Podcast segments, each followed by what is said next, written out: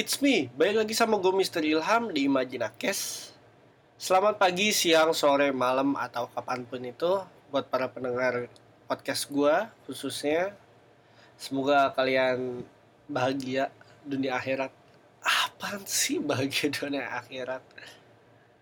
Uh, kali ini gue mau membahas satu materi yang ada di bukunya Austin Kleon gue lupa sih di Still Like an Artist atau Show Your Work. Gue di salah satu buku itu kalau nggak salah sih Still Like an Artist ya. Cuman tadi kok gue cari-cari nggak ketemu ya.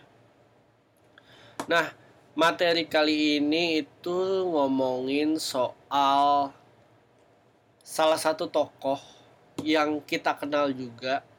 Hintnya itu anak muda sering nonton pemerannya itu Edward Cullen. Cullen apa Cullen atau Cullen Cullenan? Apaan sih Cullenan?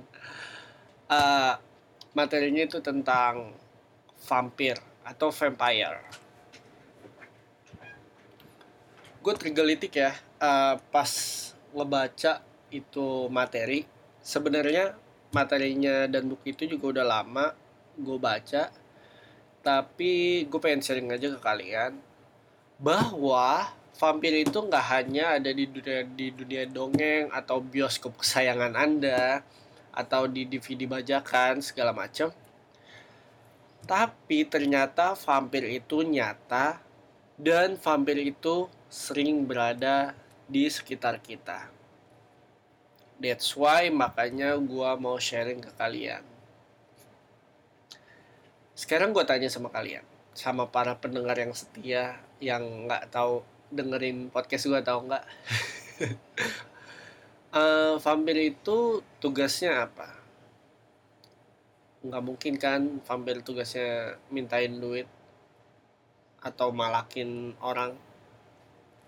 Vampir itu tugasnya untuk menyedot darah atau menghisap darah yang akibatnya mungkin orang bisa kekurangan darah atau biasa yang disebut anemia.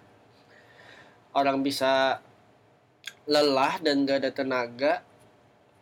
Dan parahnya lagi orang yang dihisap darahnya itu bisa meninggal atau menyebabkan kematian. Begitu juga di dunia nyata kenapa gue bilang di dunia nyata? Karena di bukunya ngomong seperti itu. Ternyata aktivitas atau segala yang kita lakukan sehari-hari itu yang akibatnya bisa membuat badan kita lelah atau capek atau ketika kita berjalan dengan seseorang orang seharian dan pas pulang kita merasa lelah dan capek ternyata disinyalir orang itu adalah vampir. Tanda kutip ya, kutip dua vampir. Kenapa bisa begitu? Jadi gini, uh, gue yakin gue pun dan teman-teman juga pernah merasakan misalnya kita lagi hangout sama teman-teman kita ini ada dua dua kayak dua kubu ya. Uh, kubu yang pertama adalah kita hangout sama dia. Ya kasarnya misalnya contohnya sejam lah. Sejam. Pas pulang kita habis hangout sama teman kita itu kita merasa bahagia merasa senang merasa spirit kita kembali lagi. Merasa bahwa gokil nih orang gue terinspirasi sekali gue ingin melakukan sesuatu dengannya dan lain-lain. Itu tuh positif banget. Itu carilah orang-orang atau teman-teman yang seperti itu. Kubu yang kedua adalah kubu vampir. Ketika kita hangout entah hangoutnya bermanfaat atau enggak kita ngobrol sama teman kita atau orang lain atau acara seminar bla bla bla dan pas kita pulang itu kita merasa capek lelah kayak nggak ada gunanya nah di dalam aktivitas itu disinyalir bahwa aktivitas atau orang tersebut adalah vampir. Jadi saran dari Austin Kleon sih apa eh, cobalah cari-cari aktivitas atau teman baru yang misalnya kalian ingin berkembang ya cari yang bukan jadi vampir lah ya. Jadi angel. Iya yeah, angel. Sampah banget.